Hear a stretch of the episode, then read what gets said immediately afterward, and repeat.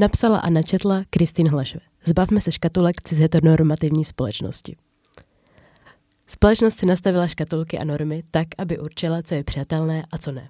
Dává nám iluzi, že každý si může vybrat, co je pro něj ideální. Ovšem co ti, kteří do daných kolonek nepasují.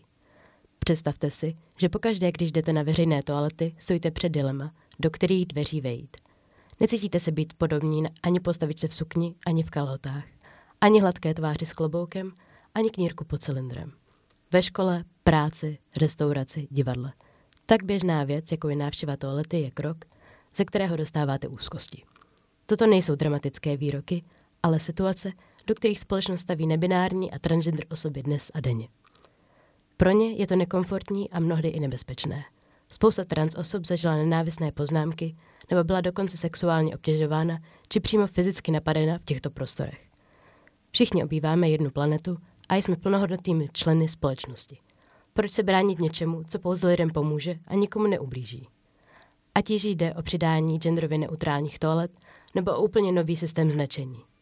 Nemusíme přece mít jasně vyznačené pohlaví, pro které jediné je daný prostor určen.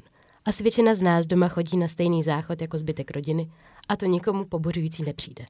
Místo, aby nám bylo předem vybráno, kam máme jít, dovolme si tuhle volbu udělat sami. Pokud nám budou ukázány možnosti, myslím, že většina se dokáže rozhodnout.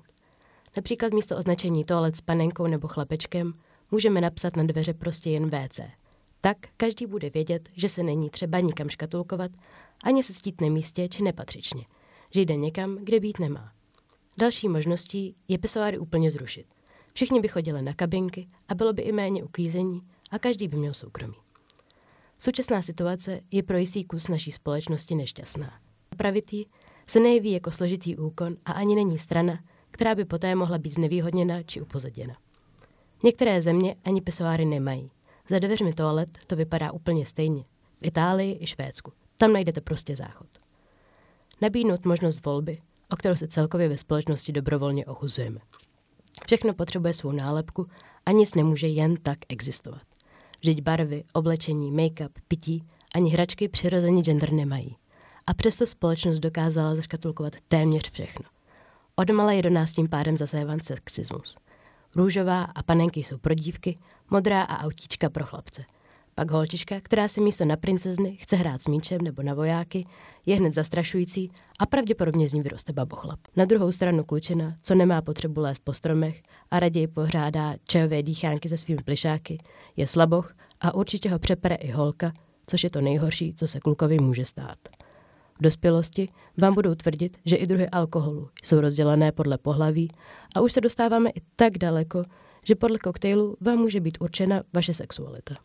Číšník se podiví, že já si dám pivo, zatímco kamarád si objednává pornstar Martiny a číšnice, co nám pití nese, automaticky objednávky prohazuje. Protože v jakém sociálním scénáři si na první pohled heterosexuální muž může dopřát sladoušký koktejl. Společnost si vymyslela škatulky, aby nás ochudila o svobodu. A někteří jsou stále tak zabednění, že pokládají za divné ty, kteří se podle toho přestali řídit a žijí tak, jak to sami cítí. Muži v sukni s make-upem, musí hned být geové a žena bez podprsenky je obdarovávána nevyžádanými pohledy. My všichni tvoříme společnost a tím pádem i její normy. Normalizujme tedy, že každý může vypadat, jak chce a nemusí to hned značit jeho gender či sexualitu. Vždyť v minulosti bylo mnoho těchto stereotypů úplně obráceně.